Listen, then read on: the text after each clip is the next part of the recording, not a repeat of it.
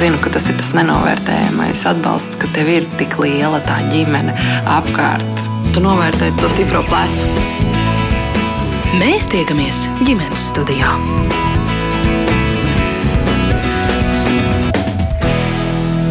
Labdien, rādījums ģimenes studija sāk savu skanējumu, jo sveicināta producenta Ilza Zvaigznes un es Agnese Linka. Eiropas komisija 2022. gadu bija pasludinājusi par Eiropas jaunatnes gadu ar mērķi rosināt domāt par jauniešu nākotni, lomu un viņu aktīvu līdzdalību mūsu kopējās labklājības un ilgtspējas veidošanā, tādā veidā sniedzot jauniešiem iespējas zaļākai, digitālākai un iekļaujošākai nākotnē. Nu, šis gads ir gandrīz noslēdzies, tā izskaņā norisinājusies arī īpaša labbūtības kampaņa. Ko tad labbūtība un visas iepriekš pieminētās vērtības nozīmē pašiem jauniešiem? Par to šodien gribam spriest ģimenes studijā, un šai sarunā piedalās Latvijas jaunatnes padomas pārstāve Mārta Renāta Jērica. Labdien! Labdien! Un arī jaunatnes organizācijas klubs Māja prezidente Ance Mālkalna sveika! Sveika! Un telefoniski līdzdalības un jaunatnes politikas eksperts Vilis Brūvers šobrīd ir arī ar mums kopā ģimenes studijā. Labdien, Vili! Uh, labdien! Jā, un arī jūs, klausītāji, ja šīs sarunas laikā rodas kādas domas vai komentāri, esat laipni aicināti pievienoties mums sarunā. Ja ir kas sakāms, droši rakstiet ģimenes studijā no Latvijas radio mājaslapas. Es sākšu ar kopīgu jautājumu visiem trim sarunas dalībniekiem, viens otru papildinot. Jūs varētu izstāstīt, kas tad jūsu skatījumā un tādā izjūtā un izpratnē bija šis Eiropas jaunatnes gads, kāpēc tāds tika rīkots? Marta, varbūt jūs varētu sākt. Um, jā, uh, nu, ja mēs atskatāmies uz uh, iepriekšējiem jā, gadiem, uh, tad tie noteikti nav bijuši aktīvākie jauniešu dzīvēs, jo, kā mēs atceramies, Covid-19 pandēmija mm. ļoti ierobežoja jauniešus un nebija tā iespēja satikties, būt kopā. Um, Viss apstājās uz ilgāku laiku, un tad Eiropas jaunatnes gads bija tā institīva, tā iespēja, tās uh, vēstījums no Eiropas par to, ka mēs jūs redzam, uh, mēs jūs uh, dzirdam, un ir laiks tagad atkal visiem nākt kopā un, un, un atgriezties, atgriezties ierastajā dzīves ritmā ar tādu lielāku entuziasmu, ar lielāku, ar tādām plašākām iespējām. Mm -hmm. Dabūt jauniešu sārā no mājas, tā jā, var teikt. Jā, jā. Mm -hmm. Ance?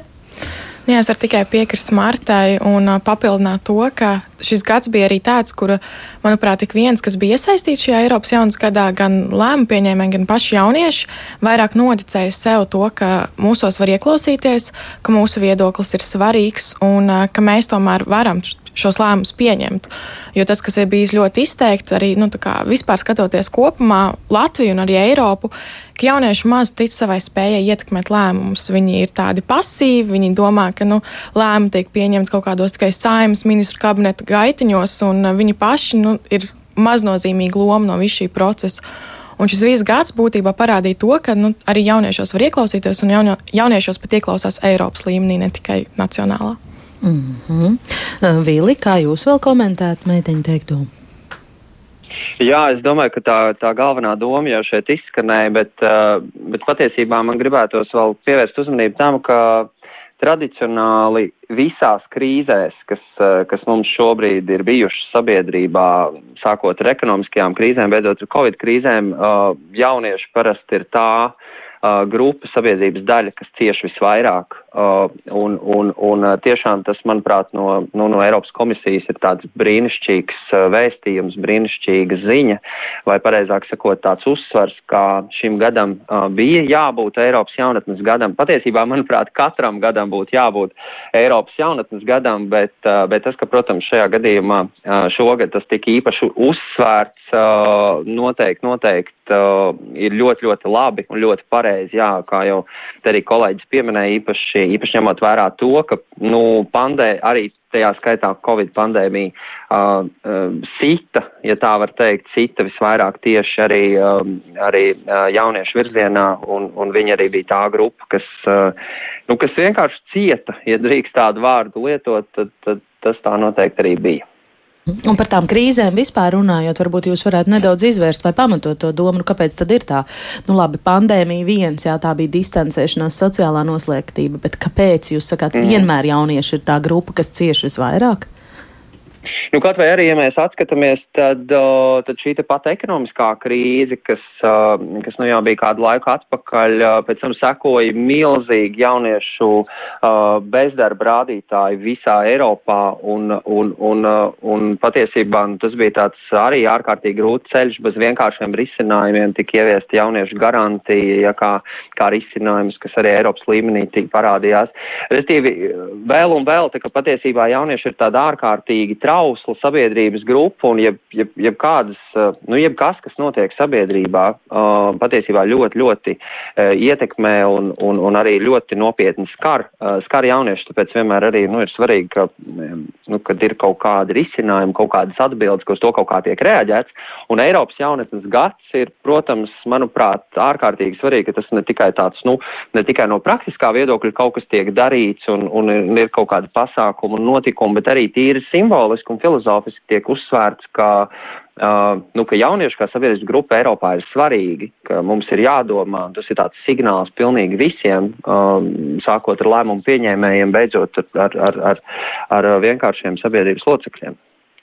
Jā, Latvijā Eiropas jaunatnes gada koordinēšana bija uzticēta tieši Latvijas jaunatnes padomēji, kas, es eh, citēšu, rūpējās par dialogu veidošanu starp Latvijas jauniešiem un lēmumu pieņēmējiem, sniedz atbalstu vietējām aktivitātēm un rīkoja vairākus nacionāla mēroga pasākumus jauniešiem. Marta, jūs eh, pārstāvat eh, Latvijas jaunatnes padomu. Nu, kā tad tas reāli notika? Mm. nu, uh, Eiropas jaunatnes gada laikā Latvijā mums bija daudz, daudz dažādi notikumi, daudz dažādi pasākumi. Uh, mēs gadu sākām uh, ar diskusijām visā Latvijā par Eiropas jaunatnes 11 mērķiem, kur laikā mēs bijām daudz dažādās pilsētās, daudz dažādās vietās, iesaistījām vairāk kā 413 dalībniekus no visas Latvijas, lai paskatītos, nu, ko tad jaunieši domā par, par, par šiem Eiropas jaunatnes mērķiem, kā viņi redz to iespēju turpmāk turpmāk tiekties uz tiem arī šeit, Latvijā. Tāpat mēs piedalījāmies, man liekas, tas arī ļoti fantastisks, fantastisks notikums bija sarunu festivālā Lampa, kur arī klubs māja bija uz vietas. Un tā bija tāda, man liekas, arī fantastiska iespēja sniegt jauniešiem to platformu, būt tādā lielākā pasākumā un redzēt, ka arī mums ir vieta šādos tiešām notikumos, un mums var būt, respektīvi, pašiem sava skatuve, kur mēs varam pulcēt ne tikai jauniešus, bet arī pārstāvis no uh, no jebkādām vecuma grupām, no jebkādām profesijām, nu, tiešām iekļaut dažādus cilvēkus šeit. Un bija tiešām arī ļoti liels prieks, kad, eh, ka prezidents apciemoja pat, eh, pat mūsu šo skatuvi un, eh, un atnāca paskatīties, nu, kā mēs, mēs šeit ar jauniešiem darbojamies. Un, Un tiešām tas pats arī jauniešu festivāls kopums, kas norisinājās jaunatnes dienā, liels pasākums Meža parkā Jūrmalā, pulcējām kopā ļoti daudz jauniešus. Un pats labākais tajā visā bija tas, kā viņos iesaistījās ļoti daudz jauniešu, lai tieši te, šie te notikumi taptu. Man liekas, pēc šī gada Latvijas jaunatnes padomē būs palicis tāds liels, liels resurss, enerģijas pilni jaunieši. Man šķiet, apmēram simts, kuri ir iesaistījušies, lai visi šie, šie notikumi tā tad notiktu. Un, Tāda uh, vēl arī ļoti, ļoti liekas, svarīga aktivitāte, kas tieši arī vērsta uz pašiem jauniešiem un uh, jauniešu tādām grupām, ir uh, šis jauniešu institīva konkurss. Uh, tādiem vienkāršākiem vārdiem tā ir iespēja jauniešiem aizpildīt tā teikt, tādu pieteikumu un saņemt līdz pat 1000 eiro, lai realizētu kaut kādas savas idejas, kaut kādus savus notikumus, kas tad iet kopā ar šiem Eiropas jaunatnes gadu mērķiem. Un, protams, arī šajā gadā mēs nu, vairāk no Latvijas jaunatnes padomas puses un no iesaistot jaunatnes organizācijas bijām darbojušies uz tādiem grozījumiem likumos, kas skar jaunas jomu Latvijā, kas bija jaunatnes likums, laikam tagad arī brīvprātīgā darba likums un arī pašvaldība likums, kurā tad sākot ar nākamo gadu viena no šīm pašvaldību autonomām funkcijām tiek noteikta kā darbs ar jaunatni, kas, laikam, nu, kas nevis laikam, bet noteikti ir nu, ļoti svarīgi. Un šis te, likums arī turpmāk jauniešiem sniegs vairāk iespējas līdzdarboties pašvaldību darbā ar trīs, trīs, trīs jauniem tādiem līdzdalības mehānismiem, kuros jaunieši tad varēs arī iesaistīties. Un, tas, tas jā, liels, liels paldies par to kolēģiem. Man liekas, tas ļoti, ļoti vērtīgi, bet nu, darbs jau pie tā arī turpināsies. Tās aktivitātes noteikti nebeidzas ar gada beigām, jo nākamajā, nākamajā gadā būs jāsaprot, ka nu, tagad ir jāstrādā uz to, lai jaunieši iesaistītos un izmantot šos jaunradītos uh, līdzdalības mehānismus, kas arī noteikti būs. Uh, sākotnēji izaicinoši. Mm -hmm. Jā, Anta, gribu dot arī jums vārdu pastāstīt. Jūs pārstāvat klubu māju, kas ir Latvijas jaunatnes padomas dalība organizācija. Varbūt vēl kaut kas akcentējams no kādiem uh, pasākumiem, kur iesaistījāties uh, jaunatnes gada ietvaros. Nu, jā, mēs iesaistījāmies vairākos jau marta pieminētos jā. pasākumos, kā festivāls kopums, festivāls Saruna festivāls Lampa. Tāpat arī organizējām šīs Uh, Eiropas jaunatnes mērķu, diskusiju ciklus, uh, bet paralēli tam mēs vēl ļoti strādājam ar jauniešiem, lai sagatavotu viņus uh, saimnes vēlēšanām, jo bija tāds arī gads, ka mums mm -hmm. pašiem Latvijā bija diezgan, nevis diezgan, bet ļoti svarīgs notikums, lai stiprinātu savu demokrātisko teikt, valsti un ciklu. Un, jā, mēs ļoti strādājām pie tā, izstrādājām gan dažādus materiālus jauniešiem un skolotājiem, gan savedām kopā um, saimnes deputātu kandidātus ar jauniešiem, un bija tiešām ļoti liela atsaucība. Un, un interesi, un pat uh, mēs aizniedzām arī jauniešus, kas vēl nevarēja vēlēt šajās vēlēšanās, bet uh, nu, mums nāca tāds atsauksmes, ka nu, tā kā, tie jaunieši aiziet mājās un saka mammai, par ko balsot, par, vai par ko nebalsot. Un, un pilnīgi mamma saka, nu labi, tad ej manā vietā nobalso, es tev uzticos, ka jaunieši, pat nepilngadīgi jaunieši, saprata to savu būtību, savas tās balss. Nu, jā, balss vērtību un to, cik tas ir nozīmīgi. Mm. Vili, vai jūs varat arī komentēt, kas jums ir eh, šķitis varbūt eh, svarīgākais, vērtīgākais, eh, kas no tādām aktivitātēm ir noticis jaunatnes gada ietvaros? Jā, paldies. Nu, manuprāt, pats, pati jaunatnes gada šī organizatoriskā struktūra vismaz Latvijā, manuprāt, nu, tas ir viens no labākajiem tādiem lēmumiem un veidiem, ka, šī, ka šīs aktivitātes tika deleģētas Latvijas jaunatnes padomai, un tas, man liekas, ir nu, tiešām, tiešām kaut kas tāds ļoti, ļoti labs, uh, kas, manuprāt, veicināja arī, arī pēc iespējas vairāk jauniešu sasniegšanu. Uh, un, un es domāju, ka Latvijas jaunas padomu ir arī nu, izdarījusi, izdarījusi ļoti labu darbu un, un godam tikus ar, to, ar šo te uzdevumu galā. Uh, Jā, bet noteikti um, nekas nebeidzas.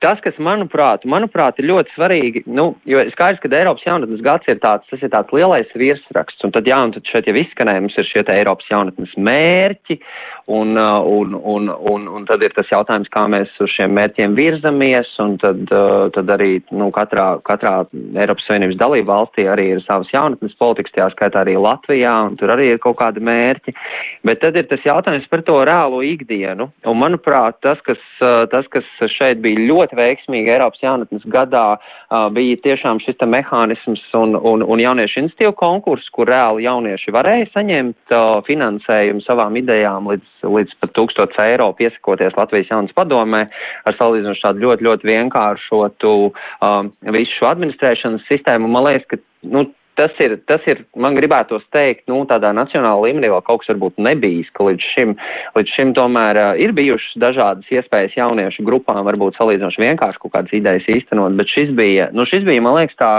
tā ļoti labi saprotami un, un salīdzinoši vienkārši.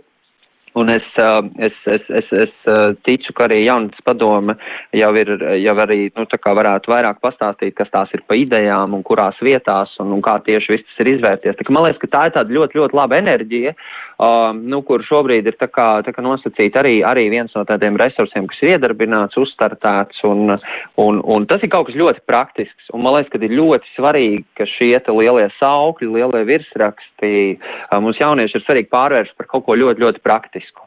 Jā, Marta, nu tad eh, jāvaicā jā, par interesantākajām iniciatīvām projektu konkursa ietveros. Kādas mm, tās bija? Jā, Var jau vērtēt. Jā.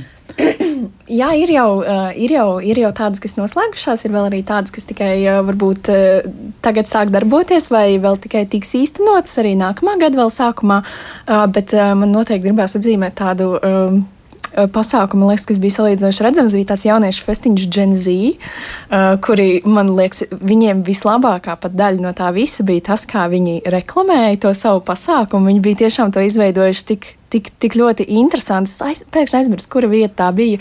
Tas bija ļoti interesanti. Jaunieši bija uzrunājuši tā teikt, influencerus, kas viņiem interesē, bet tajā pašā laikā viņi runāja par tādām ļoti vērtīgām, vērtīgām tēmām, par to savu pašizaugsmi, par to, kā atrast savu balsi un, un, un, un, un, un tā tādā veidā. Bet, Kas vēl man tāds reiz nāk prātā, man liekas, tā ir arī jauniešu telpas izveide viesturos, kur jauniešiem ir, uh, ir maza vieta, respektīvi viestura, bet jauniešiem nav nekāda uh, sava vieta, kur pašiem būt. Uh, tā teikt, jauniešu telpa. Uh, un tad, uh, tad jaunieši ir uh, atraduši organizāciju, kas darbojas novadā, uzrunājuši viņu, tad, laikam, sadarbībā ar domu tikuši pie kaut kādas mazas telpiņas, un tad nu, viņiem ir nepieciešams kaut kā viņu iekārtot, vai ne? Un tad jaunieši uzrakstījuši arī šo pieteikumu un saņem finansējumu, lai to izmantot, lai iekārtot šo te telpu sev un, un, un, un arī citiem jauniešiem, kas man liekas arī tāds ļoti, eh, ļoti, ļoti, ļoti vērtīgs veids, kā eh, šo naudu ieguldīt. Jā. Mm -hmm. Anci, jums arī ir kāds priekšstats par to, kas šajā ideju iniciatīvu konkursā, kādas domas, kāda virziena dominē? Mēs nebijām tik ļoti kā organizācija iesaistīta šajā iniciatīvu konkursā, bet uh, es zinu, ka daži mūsu jaunieši ir iesnieguši savas iniciatīvas. Bet kopumā man liekas, šāda tiešām iniciatīva konkurss ir ļoti apsveicama, jo tas ir tas tiešākais veids, kā jaunietim parādīt to, ka viņš kaut ko spēj izdarīt pats un kaut ko sasniegt pats. Jo bieži vien ir tā, ka jauniešiem ir ļoti, ļoti daudz idejas, un tās idejas sprāgs uz visām pusēm, bet nav to resursu, kā, kā to iznot, jo arī jaunas organizācijas nu, vairāk vai mazāk ir ierobežots kaut kādu projektu ietvaros, kas jau ir uzrakstīti, kur jau ir noteikts aktivitātes, un ir ļoti grūti īstenot tādu pēkšņu iniciatīvu, kas nāk no jauniešu puses. Tādēļ ir ļoti svarīgi ir šādi iniciatīvu konkursi, kuros jaunieši var pieteikties. Īpaši tie ir tādi tādu teikt, mazo grantu konkursi, kas nav sarežģīti, un kur jaunieci var iegūt šo pirmo pieredzi gan projektu rakstībā, gan tā pārvaldībā, administrēšanā. Mm. Kā, manuprāt, par šīm iniciatīvu konkursu viss var teikt tikai pozitīvi, un es ceru, ka tas arī turpināsies nākamos gadus. Mm -hmm. Bet Marta te pieminēja, ka tas ir uh, Jā. festivāls neliels bijis, vai tā ir kādas jauniešu vietas aprīkošana, iekārtošana, uz ko vēl tie projekti ir, tie, tie pieteikumi ir vērsti? Um, var redzēt arī, ka tas, ko jaunieši norādīja arī pirms šī Eiropas jaunatnes gada tieši Eirobarometra aptaujā, ka viņiem ļoti aktuāli ir jautājumi par mentālo veselību, par labbūtību, par fizisko veselību. Un tiešām liels prieks redzēt arī, ka ļoti daudz jauniešu šajās iniciatīvās, ko viņi piesaka, tiešām fokusējas uz šādiem jautājumiem. Piemērs, piemērs arī ir jauniešu grupas, kas raksta šo pieteikumu, lai varētu organizēt uh, sa savus tādus pasākumus, mazākus, mazākus kopienu pasākumus, kuros viņi var, pieņemsim, šo naudu izmantot, lai pieaicinātu kādus speciālistus, kur tad runā ar viņiem par mentālo veselību. Varbūt tas ir kaut kāds uh, īss nodarbību cikls ar mērķi izzināt varbūt vairāk to, kā, uh, kā ikdienā, varbūt kaut kādi konkrēti paņēmieni, kā mm. ikdienā uz, uzlabot eh, šo, te, eh, šo te, uh, savu labsajūtu. Mm. Um, bet, um, Jā, es varbūt gribēju nedaudz pakomentēt arī to, ko Ants teica par to, ka tas ir ļoti labs uh, līdzdalības veids, tieši šie te, uh, nesarežģīti uh, iniciatīvu pieteikumi. Uh, tas bija tieši tas, uh, par ko man sanāca parunāt arī ar vienu kolēģi, kad mēs bijām šajā Eiropas jaunas gada noslēguma pasākumā Briselē. Uh, runāju ar kolēģi no Nīderlandes, kuri arī ir šādu līdzīgu grantu programmu izstrādājuši jauniešiem. Un, un, un sarunā ar viņu viņš tieši arī minēja, ka, tas, ka viņi redz, ka tas ir viens no mehānismiem, kas tiešām jauniešiem ir vajadzīgs, jo jaunieši bieži vien nāk ar šīm idejām, un jā, mums ir, protams, iespējas. Pieņemsim Eiropas solidaritātes uh, projektu konkursi, bet tur ir šis laiks, tur tu iesniedz savu ideju, Un tad tev ir jāgaida, kad būs šī pieteikšanās, tad tev jāgaida, kad viņas izvērtēs, kad apstiprinās, kad vispār vēl tiks pie tā rezultāta. Un tas ir ļoti ilgs laiks, un jaunietis bieži vien nav gatavs gaidīt četrus mēnešus, līdz viņš uh, varēs realizēt to savu ideju. Jo, ja viņš atnāk ar savu ideju, viņš visticamāk grib tagad un tūlīt viņu īstenot. Jo nu, varbūt pēc četriem mēnešiem mm. tā vēlme būs nu, izpalikusi. Un, un, un, un, nu, jā, un arī viņi tieši norādīja, ka viņi tagad meklē tos veidus, kā varbūt nākotnē arī kaut ko tādu uh, īstenot. Un es domāju, ka mēs noteikti arī skatīsimies, kā, uh, kā varbūt nākotnē šīs te, uh, šo te iespēju jauniešiem vienkāršā veidā realizēt savas idejas, tad arī nodrošināt. Mm. Mums kāds klausītājs Ričs ļoti uzstājīgi un aktīvi vairākas kārtas pats vairāk kārtīgi jautā, ka viņš tā arī nesaprot par tiem mērķiem. Viņš grib konkrēti, kādi tad tie mērķi ir. Nu, šeit mēs laikam atgriežamies pie Mārtas pirms brītiņa minētā par gada iesākumā notikušo diskusiju par to, kāda ir jaunatnes, Eiropas jaunatnes mērķi, skaitā 11 gabali. Jā, jā. Jūs varat tos varbūt tad nosaukt. Jā, jā. Tā tad pirmais Eiropas jaunas gadas mērķis ir sekmēt jaunatnes piedarību Eiropas projektam un veidot tiltu starp Eiropas Savienību un jauniešiem. Es varbūt viņus tā noīsināšu. Jā, vai piemēram piederība, numur jā. viens. Jā. Otrs būs dzimuma līdztiesība, trešais būs iekļaujoša sabiedrība, ceturtais informācija un konstruktīvs dialogs, piektais ir garīgā veselība un labklājība, Sastais ir lauku jauniešu attīstības veicināšana, septītais ir kvalitīva nodarbinātība visiem, astotais ir kvalitīva mācīšanās, devītais telpa un līdzdalība visiem, desmitais ilgtspējīga zaļā Eiropa un vienpadsmitais ir jaunatnes organizācijas un Eiropas programmas. Mm. Un cik lielā mērā jums ir bijusi iespēja par šo diskutēt, vai tas ir kaut kas, nu tas nav kaut kas, ko ir izstrādājuši, izgudrojuši tagad Eiropas jaunatnes gada sākumā Latvijas jaunieši. Tas ir Nē, kaut kādas tās ir, vienotās tas ir, Eiropas ir, idejas, jā. un cik lielā mērā tas, kā jums liekas, ka tas sakrīt ar jauniešiem šeit Latvijā un viņu redzējumu? Es domāju, ka diezgan, diezgan lielā mērā, jo kad mēs parasti runājam ar jauniešiem par tiem aktuāliem jautājumiem, tiešām tie arī bieži vien ir tie, tie, tie aktuālie jautājumi. Pieņemsim, iekļaujoša sabiedrība, vienlīdzīgas iespējas gan darbā, gan mācīšanās virzienā. Tāpat pilnīgi, pilnīgi pazuda doma, mm. bet man liekas, tiešām nu, tā, tā arī ir. Anta? Jā, nu, man personīgi bija iespēja vadīt uh, diskusiju par kvalitīvu mācīšanos, par astoto, ja nemaldos, šo Eiropas jaunas mērķi. Un es tiešām biju pārsteigta jauniešos, cik viņiem daudz ir idejas un rekomendācijas, kā uzlabot uh, gan mācīšanos uh, nu, skolās, universitātēs, arī pašā Eiropas līmenī. Un tās idejas tiešām ir labas un vērā ņemamas. Un, uh, un ja sākumā jaunieši bija tādi kautrīgi, viņiem īsti negribēja viņi izteikt tās savas idejas, varbūt baidījās, ka viņus kāds nosodīs, tad jau uz diskusijas beigām.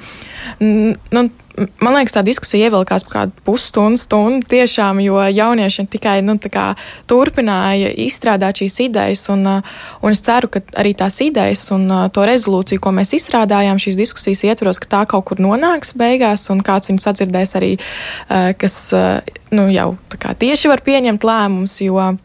Tiešām jaunieši bija ļoti aizrautīgi, viņiem tas bija ļoti svarīgi, ka viņu uh, viedoklis tiek uzklausīts par šādām tēmām, jo nu, tāpat izglītība tā tieši skar ikvienu no mums.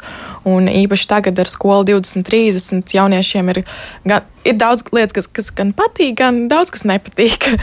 un, uh, un, tad, jā, un tad ir būtiski, ka viņos ieklausās un ka viņi var sniegt šo savu atgriezenisko saiti. Mm. Vili klausoties meiteņu teiktajā, varbūt jums ir kas piebilstams. Jā, paldies. Man liekas, ka ļoti labs arī tas Eiropas jaunatnes mērķu uzskaitījums.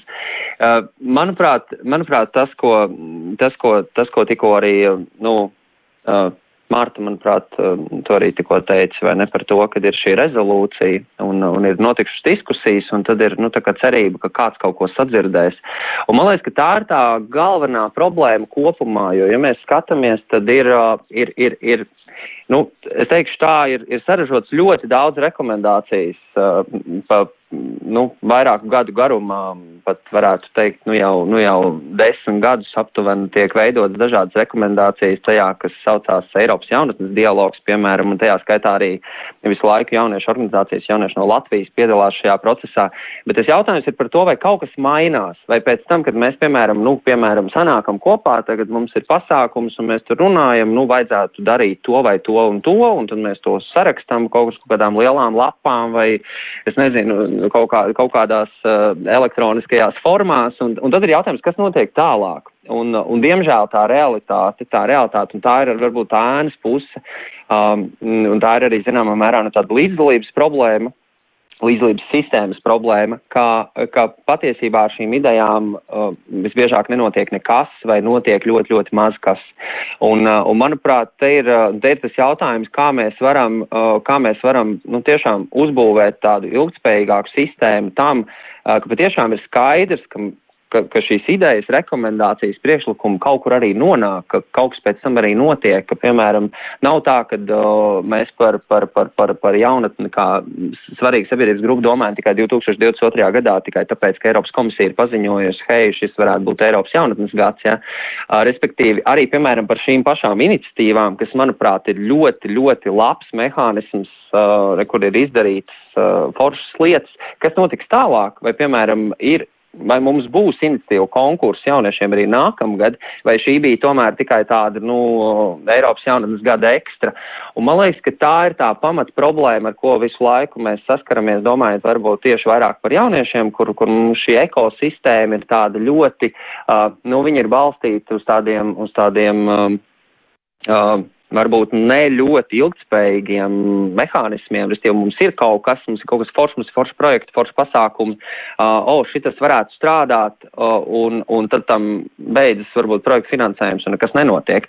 Tie, tas jautājums ir, kā uzbūvēt šo ilgspējīgo sistēmu un kā kā, kā, kā, kā reāli īstenot arī tās rekomendācijas, kaut vai, piemēram, šogad reku jaunieši ir, ir piedāvājuši veselu, veselu kaudzi, ja tā drīkst teikt, ar, ar dažādām labām lietām, kas ar tām notiks. Nu, tie ir, teiksim, tādi, nu, jautājumi varbūt no manas kā no, kā no vienkārši procesa vērotāja vairāk, bet arī, protams, es, es, es pats arī e, kaut kādā mērā daru, e, daru kaut kādas lietas. Uh, ja es drīkst vēl vienu piemēru, nu, piemēram, droši, droši, piemēram. Piemēram, arī te jau kolēģis pieminēja izglītības jomu. Nu, piemēram, mēs zinām, ka šogad arī parādījās publiski priekšlikums pagarināt, skola, pagarināt skolās mācību gadu.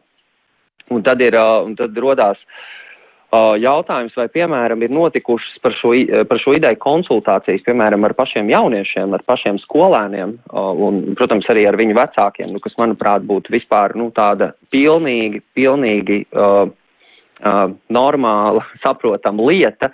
Uh, diemžēl pagaidām šādas konsultācijas nav notikušas. Es arī, uh, es arī vādu projektu Latvijas bērnu labklājības tīkls. Ir, ir tāda organizācija, kur arī ir dalība organizācija Latvijas jaunatnes padomē, un, uh, un mēs veicām aptauju Mēs aptaujājām skolēnus un vecākus par to, ko tad viņi domā par šādu mācību gadu pagarināšanu, un mēs arī gatavojamies šos te aptaujas rezultātus iesniegt Izglītības zinātnes ministrijā. Bet, nu, manuprāt, te ir tas, nu, tas, tas, tas manis teiktais, kas tad notiek realitātē vai, piemēram, tad, kad mēs nu, no vienas puses pasludinām, kur mums ir Eiropas jaunatnes gads un, un jaunieši ir jāatbalsta, jaunieši jāiesaist, jauniešu līdzdalība ir svarīga, tajā pašā laikā, nu, piemēram, tādā reālajā rīcība politikā vai reālajās darbībās mēs redzam, ka nu, tās pašas valsts pārvaldes institūcijas, kas pat ir atbildīgas par šī jaunas gada ieviešanu Latvijā, e, citās, citās savās darbībās absolūti nu, šo jauniešu līdzdalību vienkārši ignorē. Un, manuprāt, e, nu, tas, nav, tas, nav, tas nav labs signāls. Un, un, un es domāju, ka tas ir tas, kas e, nu, dienas beigās arī izšķir to, cik daudz no tām idejām, no tām lietām, no šiem mērķiem, no šīm rekomendācijām mēs īstenojam reāli ikdienas dzīvē. Mazākajās lietās. Un, piemēram, šajā gadījumā, ja parādās kaut kāda jauna ideja kaut ko mainīt, vai tāpat skola 2030 ir, ir arī daudz diskutēts, ir arī jauniešiem šobrīd daudz viedokļu par mācību saturu kā lietotājiem, vai, piemēram, uz to kaut kā tiek reaģēts. Un tie ir tādi daži piemēri. Paralēli tam, protams, kad lielais jautājums ir, kas notiks tālāk, vai tam būs turpinājums. Mm, jā, meitenes, vai piekrītat viņa teiktajam, ka tā līdzdalība patiesībā ir eh, diezgan ierobežota? Jo mēs te tā skaisti sākumā eh, raidījuma ievadā visu to bildi uzzīmējām. Māci arī teica, mums radās sajūta, mēs varam pieņemt lēmumus, varam iesaistīties un mūs dzird vai tiešām? Nu, diemžēl es varu tikai piekrist Vilim. tā ir tāda mūžīgā cīņa ar nezinu, veidzirnavām. To varētu tā salīdzināt, ka uh, ir jaunieši, kas grib līdzdarboties, ir jaunas organizācijas, kas to iet un, un, un vēlas uh, šo līdzdalību veicināt. Tomēr cik ļoti liela ietekme tiem jauniešiem tiešām ir, tas ir tāds uz liels jautājums zīmes. Un, uh, Tā ir tā, diemžēl, tā bēdīgā realitāte, kas mums visiem ir kaut kādā mērā jāapzinās, bet es domāju, tikai tāpēc, ka tas ir tagad, tāda sajūta ir, un dažas idejas varbūt tiek uzklausītas, dažas netiek uzklausītas. Uh, bet tas nenozīmē to, ka mums vajadzētu apstāties, ka mums vajadzētu par to aizmirst. Es domāju, ir tikai jāturpina. Jo tu simts reizes ies pie lēmuma pieņēmēja, deviņas, deviņas reizes viņš tevi no, noraidīs, vienreiz viņš uzklausīs, mm. un tas jau varbūt arī ir daudz. Galvenais ir nepadoties un turpināt un ticēt tam, ka tu tiešām vari arī kaut ko ietekmēt. Mm. Marta? Jā, nu, man arī būs jāpiekrīt Man liekas, mēs Latvijas jaunas padomē jau ilgu laiku esam par to runājuši, un mēs tiešām gribētu, lai lēmumu pieņēmēji vairāk pievērstu uzmanību jaunas politikai latvietieši, jaunas politikai jauniešiem, um, jo, man liekas, jaunas politika tiešām ir viena no tādām ļoti, ļoti horizontālām politikām, uh, kurai būtu jāiet iekšā uh, ļoti daudz citās politikās. Uh, jaunas politika nav tikai daļa no. Uh, no tā teikt, tāda daļa, kas ir pakļauta uh, nu, teikt, izglītības zinātnes ministrijai. Jaunas politika ir ļoti svarīga arī, pieņemsim, uh, veselības jomā. Uh, labklājības jautājumos. Tur, tur viss, mēs tā kā, kā es nezinu, pat kā lai paskaidrotu. Mēs esam jaunieši, ir liela daļa sabiedrības, un jaunieši skar ļoti daudz lēmumu, kas tiek pieņemti, pieņemti Latvijā. Un šobrīd nav tā sajūta, ka lēmumu pieņēmēji skatītos uz jauniešiem tiešām kā uz prioritāti. Man, man šķiet, eh, mūsu jauniešos tik ļoti daudz spēka un enerģija. Mums vajag, man liekas, Latvijā nedaudz kaut kā pastrādāt vēl uz to, lai viņus iekustinātu, vēl vairāk līdzdarboties, iesaistīties un parādīt, ka nu, mūsos ir tik daudz spēka, mēs varam nest tik daudzas pārmaiņas, tik daudz labas un vērtīgas pārmaiņas, kas ir nepieciešamas mūsu, mūsu, mūsu nākotnē. Mm -hmm. Es varbūt varu aši papildināt Martu, ka man liekas, tā līdzdalība iet abos virzienos, jo uh, arī tas, ka ļoti bieži jaunieši nemaz netic sev. Viņi domā, ka tas lēmumu pieņēmējs sēž kaut kur ļoti tālu, viņš ir tik neaizsniedzams.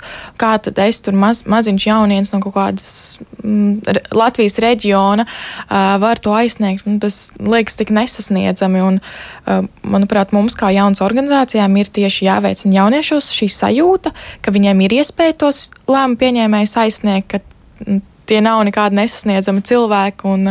Tie ir tieši tādi paši cilvēki, kā ik viens pats jaunietis, kurš arī kādreiz bijis jauns ar lieliem sapņiem.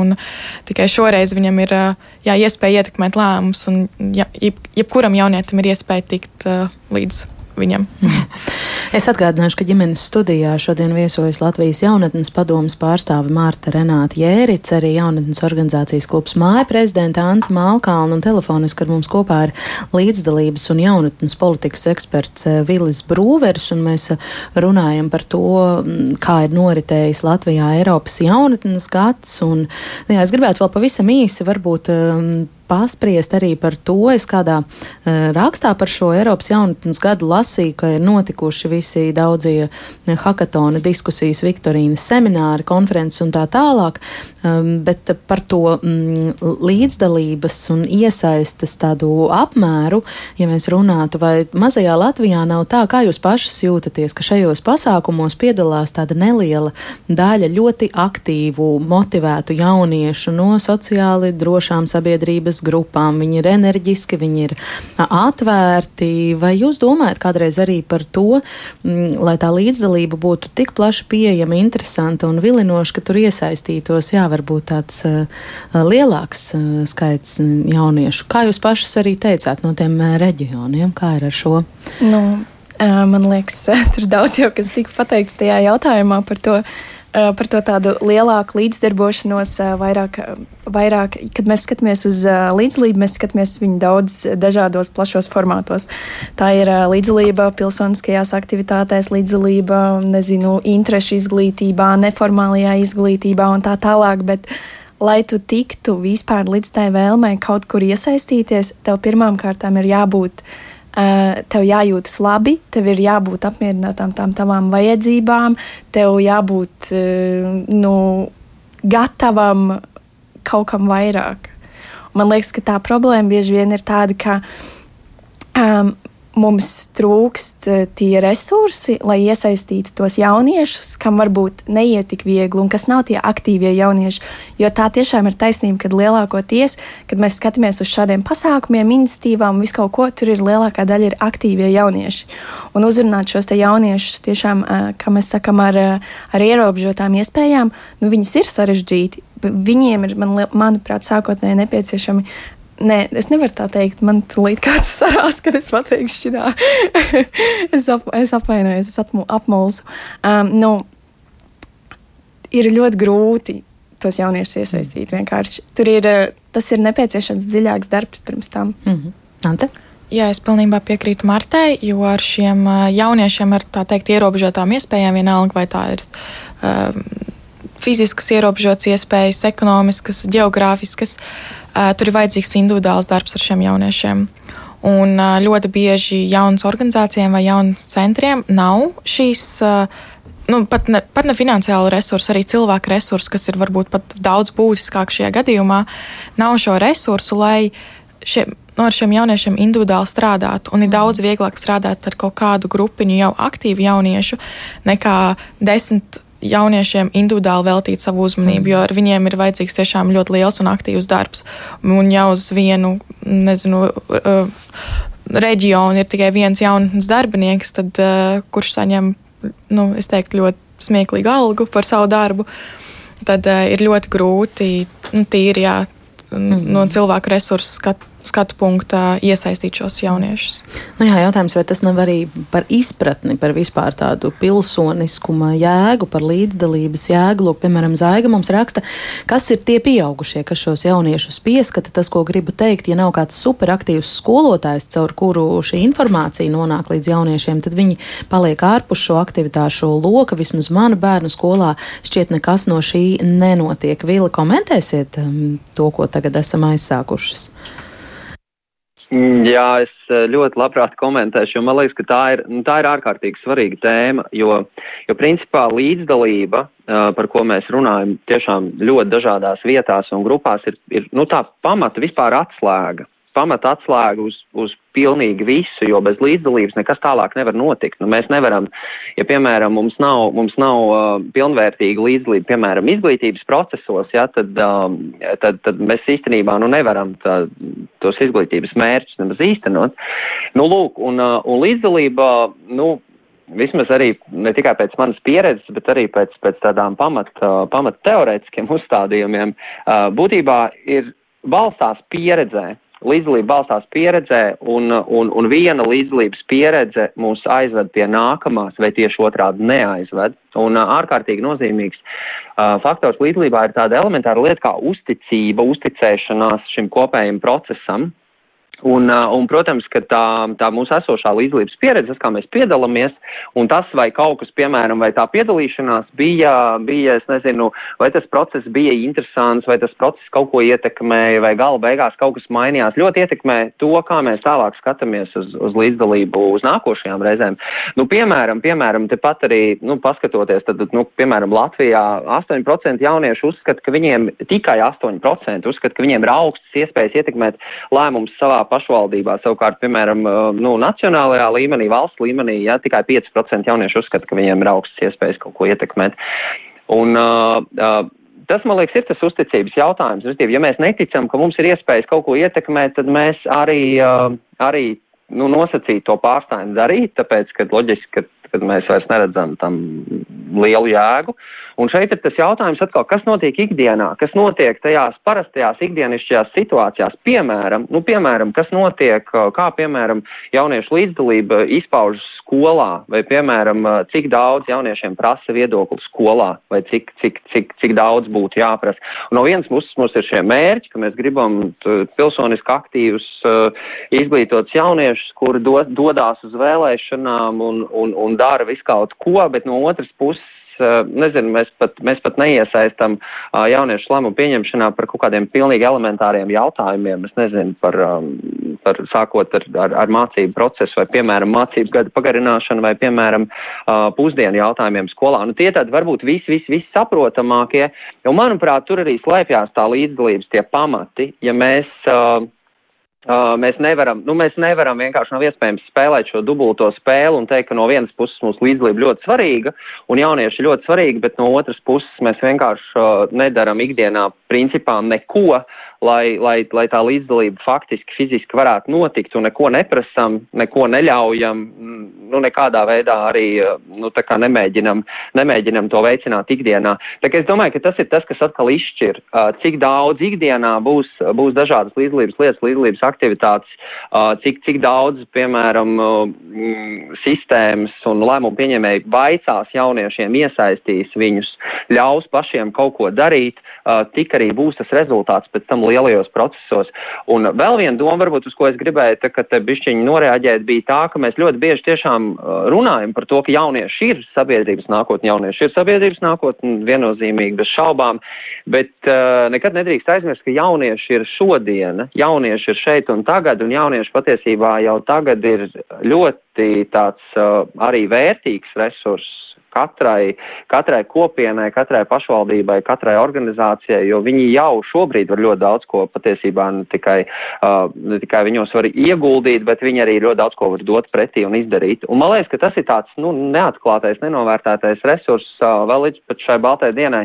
Es, es ļoti ceru uz kaut kādām tādām sistēmiskākām pārmaiņām un uz to, ka mēs varbūt beigsim gaidīt kaut kādus līdzdalības brīnumus un, un milzīgu kaut kādu aktivitāti, bet, bet, bet drīzāk ļoti mērķiecīgi investēsim katru dienu, darīsim mazas saprotamas lietas, uh, lai, lai, patiešām, lai patiešām kaut kas notiktos un kaut kas būtu. Jo ļoti labs salīdzinājums, ja, piemēram, mēs gribam skriet maratonu, ja, mēs gribam skriet maratonu, uh, un zināmā mērā, nu, līdzdalība ir tāds lielais maratons, ja, tad, uh, tad nu, mums nepietiek, ja mēs vien, vien, vienu reizi patrenējamies. Ja līdzdalības muskuļi arī ir jātrenē tieši tāpat kā jebkuri citi, uh, mums nepietiek, mums ir viens uh, jaunatnes gads reiz desmit gados, ja, tas ir apmēram tāpat kā mēs arī, piemēram, ēstu veselīgi vienu reizi desmit gados, ar to ir par maz. Um, katru gadu, katru gadu, katru, nevis katru gadu, bet katru dienu ir jāēd veselīgi, katru dienu ir, ir, ir, ir jāveic muskuļu treniņi, ja mēs gribam, uh, ja mēs gribam tiešām uh, ne tikai uzvarēt maratonā, bet vismaz viņā startēt. Jā. Un, uh, nu,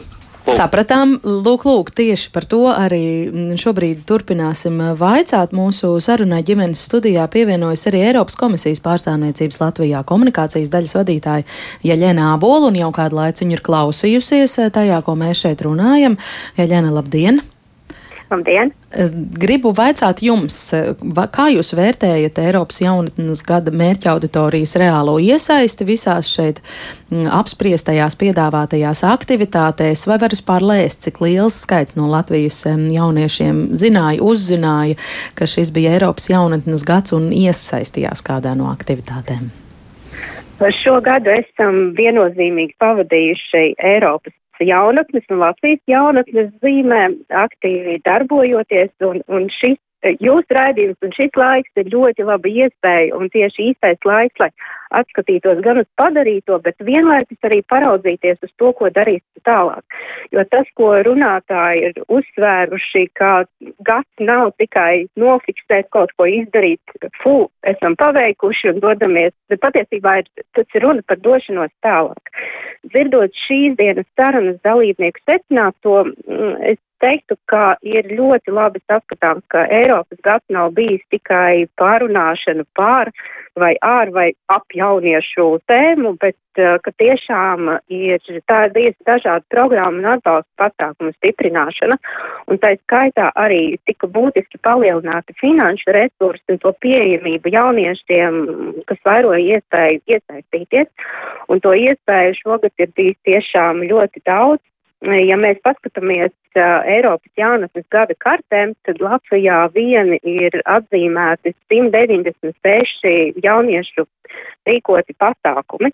Un jāsaka, ka Eiropas komisijas pārstāvniecība kopā ar mūsu sadarbības partneriem reģionos, ar Europe Direct centriem ir līdzdarbojusies apmēram 60 no tiem, tā kā ļoti lielu darbu ir izdarījušas pašas jauniešu organizācijas un arī uh, Eiropas gada nacionālais koordinators. Uh, viens, uh, nu, tas, tas, ka uh, piedzīvot tiešām ir ļoti daudz, ir bijušas prāta spēles, semināri, konferences, lielākas, mazākas diskusijas, sākot no kopīgas zupas vārīšanas līdz pat jaunatnē aktuālo politisko prioritāšu nospraušanai. Bet tas, ko es gribēju pieminēt, arī turpinot par līdzdalības tēmu, viens no Eiropas komisijas projektiem bija sadarbībā ar Latvijas platformu attīstības sadarbībai rīkot 20 pasākumu ciklus Latvijas reģionos ar nosaukumu Esi nākotne, kurā mēs uzklausījām tieši jauniešu domas par Eiropas nākotni, par to, kā viņi saredz savu vietu un lomu tās veidošanā un ar kādiem izaicinājumiem saskaras.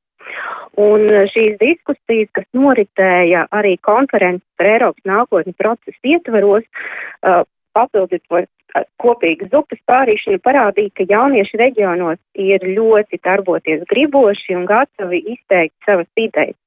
Un šajos pasākumos jaunieši uzsver, ka viņiem ir ārkārtīgi svarīgi tapt sadzirdētiem, uzklausītiem un novērtētiem, un paralēli to saka jaun, ne tikai jaunieši Latvijā, bet arī Eiropā, ka lēmumu pieņēmējiem būtu vairāk jāieklausās viņu vajadzībās un arī attiecīgi jārīkojas. To saka septiņi no desmit aptaujātajiem jauniešiem. Un tātad, tad, kur, kur mēs nonākam tagad, tātad kā turpinājums šim konferencē iestrādātajam mehānismam par jauniešu struktūrētu iesaisti ir, piemēram, Eiropas parlamenta virzīta iniciatīva, tas saucamais jūs tests vai jaunatnes tests, kas paredz jauniešu viedokļu uzklausīšanu par aktuāliem ēst politikas jautājumiem. Un pavisam praktiski, piemēram, sabiedrības līdzdalība politiku apspriešanā tiek turpināta jau ar iedzīvotāju iesaistas mehānismu, tā skaitā piedaloties arī jauniešiem, piemēram, pagājušajā nedēļā Eiropas Savienības pilsoņi no visām 27 dalībvalstīm pulcējās un apsprieda tēmu par pārtikas atkritumu samazināšanu ko Eiropas Savienība varētu darīt lietas labā.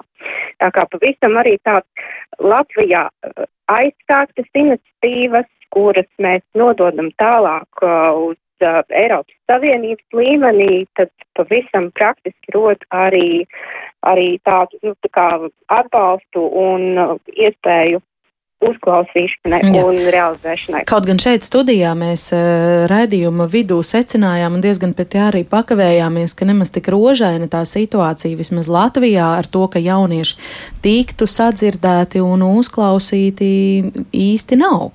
Mm, vai šajā virzienā kaut kas jūsu skatījumā varētu un tam vajadzētu vēl pavirzīties uz priekšu, vai viss jau ir lieliski un tā kā, tā kā jābūt?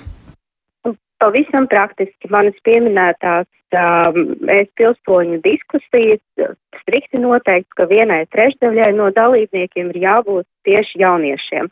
Tas tāds jau pilnīgi direktīvi ir noteikts. Uh, run, runājot par um, diskusijām par 11 jaunatnes mērķiem, par ko arī runātāji ir pieminējuši. Es gribu minēt dažus no priekšlikumiem, kas tur bija izskanējuši, jo arī Eiropas komisijas pārstāvniecība šo ciklu ir atbalstījusi, lai tas noritētu.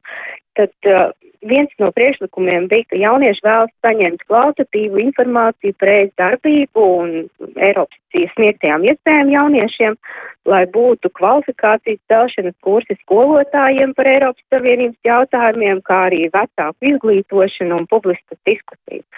Un tad uh, arī vērtējot mūsu iespējas, ko, ko mēs varam lietas labā darīt, tad uh, pedagoģu izglītošanai un resursu nodrošināšanai mājā, šovasar tika atklāts Eiropas Savienības mājas izglītības resursu centrs, uz kuru mēs aicinām ikvienu pedagogu, gan uh, izmantot uh, materiālus, gan arī apmeklēt mācības un tādā veidā arī pilnveidot sevi un uh, strādāt ar jauniešiem. Mm, cerams, Tāpat ka tas arī gūs atsaucību. Piedodiet, ļoti, ļoti daudz laika vairs mums izklāstīt uh, to visu pa punktu pa punktam. Nav, varbūt mēs varam ātri atbildēt uz Austras jautājumu. Jūs, Iļena, līdz kādam vecumam tad uh, šajā mūsu šodienas sarunas kontekstā jaunieši tiek uzskatīti par jauniešiem? Par kādu vecuma grupu mēs vispār runājam? Nu, ja skatās no uh, Pasaules veselības organizācijas uh, pieejas jaunieši jau ir, ir arī jau stipri pāri 30 gadiem, bet Eiropas Savienības politikas dokumentos un Eiropas Savienības programmās, kas ir, uh, kas attiec tieši uz jauniešiem, tas vecums, kas parādās, ir līdz 30 gadiem.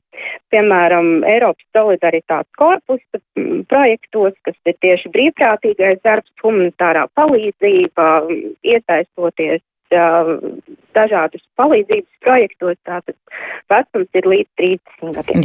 Paldies, lai jums visas veiksmes. Tātad arī Eiropas komisijas pārstāvniecības Latvijā komunikācijas daļas vadītājai Eļenai Ābolai. Paldies par šo komentāru.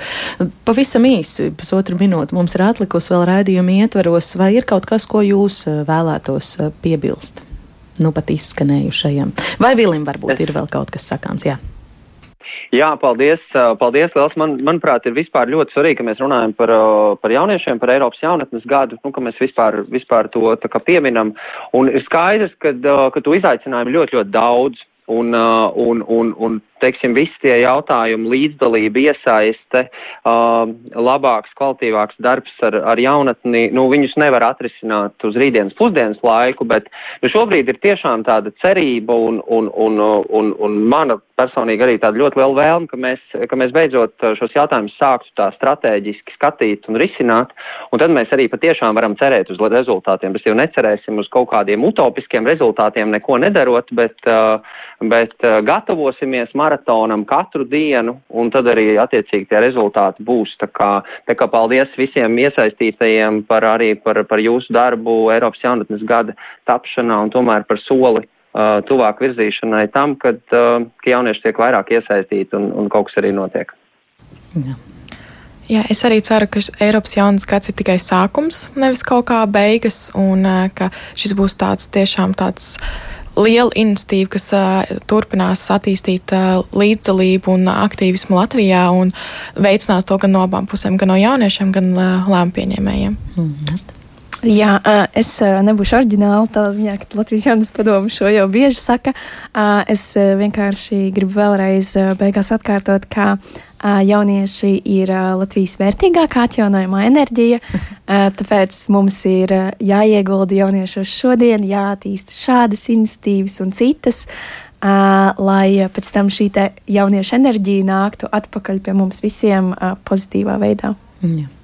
Un kāda klausītāja vēl noslēgšu ar viņas komentāru rakstu. Un tāda ir realitāte, kur mēs ņirgājamies par dzimumu jautājumiem, kas ir svarīgi ļoti daudziem jauniem cilvēkiem Latvijā. Reālā rīcība nav jauniešus atbalstoša, tā diagnosticē klausītāja Inga, katram uz to tiesības. Jā, paldies eh, par uh, sarunu ģimenes studijā. Šodien teikšu Latvijas jaunatnes padomas pārstāvē Martai Renātei Jēricei, arī jaunatnes organizācijas klubs māja prezidentei Ancei Malkalnai un telefoniski ar mums kopā bija līdzdalības un jaunatnes politikas eksperts Vilis Brūvers. Šo raidījumu veido Ilza Zvaigzne, pieskaņa pulciāna Drēmana, pie mikrofona Agnese Linka. Viens no labākajiem ģimenes kopā būšanas veidiem, protams, arī to starp svētku brīvdienās ir galda spēles, kas tad jaunas šajā nozarē, kā spēļojot var arī drusku mācīties un kā ar galda spēlēm aizraujas lielu un mazu par to ģimenes studijā mēs runāsim rīt. Kā vienmēr no diviem līdz trījiem klausieties mūs arī podkāstos mobilajā lietotnē un sekojiet ģimenes studijai sociālos tīklos uz sadzirdēšanos.